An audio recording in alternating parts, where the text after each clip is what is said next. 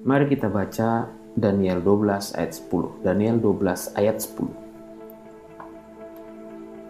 Banyak orang akan disucikan dan dimurnikan dan diuji. Tetapi orang-orang fasik akan berlaku fasik.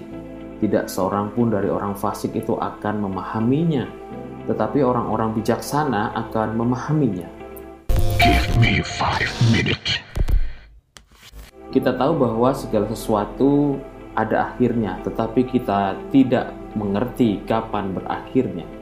Dituntut suatu kebijaksanaan dan pengertian untuk memahami sebuah masa. Sekarang, apa yang Anda gunakan untuk memahami hal itu? Yang pertama yang harus kita tahu adalah kita harus memahami musim. Memahami musim dilakukan untuk kita bisa memprediksi waktu, kapan kita mengolah tanah, kapan kita menabur, kapan kita menjaga, kapan kita juga menuai. Maksudnya supaya kita memperoleh hasil yang maksimal. Daud berkata pada Mazmur 71 17, Ya Allah, Engkau telah mengajar aku sejak kecilku dan sampai sekarang aku memberitakan perbuatanmu yang ajaib Mazmur 19 ayat 20 juga mengatakan demikian. Ajarlah kami menghitung hari-hari kami sedemikian hingga kami beroleh hati yang bijaksana. Jadi kita harus bisa memahami musim. Memahami musim membuat kita mempunyai waktu untuk mempersiapkan lebih baik lagi. Kemudian yang harus kita tahu yang kedua adalah pahami tanah yang akan kita kerjakan ada empat macam tanah dalam Alkitab: pinggiran, bersemak duri, berbatu, dan tanah gembur yang siap untuk ditaburi oleh benih. Tanah berbicara tentang hati, di mana kita yang paling tahu keadaan hati kita. Jadi kalau kita memahami tanah hati kita, kita akan lebih mengerti apa yang harus kita kerjakan atau jika kita tidak paham, pemimpin rohani yang baik akan paham keadaan kita dengan bimbingan Tuhan tentunya. Maka kita akan lebih cepat untuk mengolah tanah hati agar siap ditanami. Kemudian yang ketiga, pahamilah benih. Benih adalah sesuatu yang ditabur. Hanya ada satu benih kebenaran yaitu firman.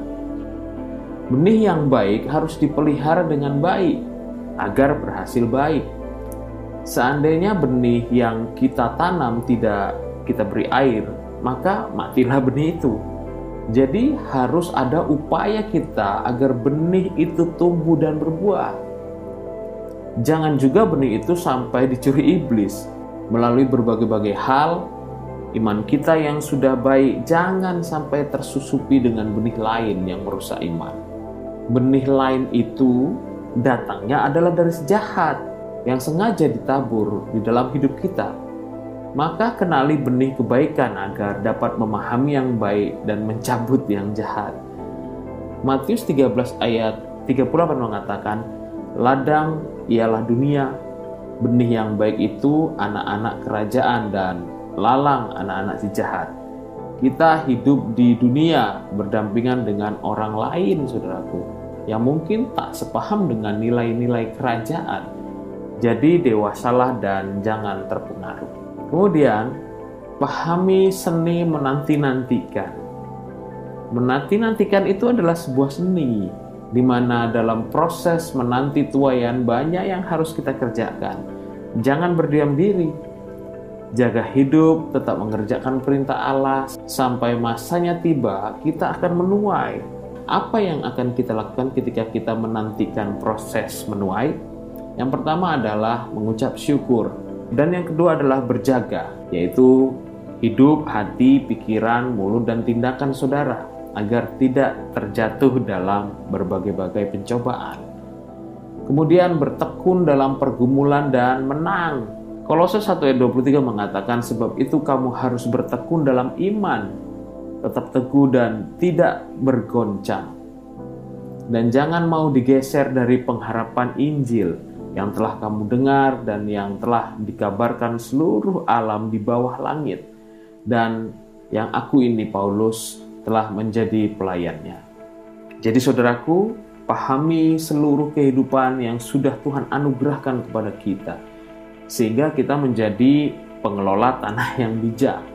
Dan suatu saat ketika waktunya tiba akan beroleh nikmat. Semoga firman Tuhan ini membekali hidup kita untuk terus berjalan di dalam kebenaran. Tuhan Yesus memberkati saudara.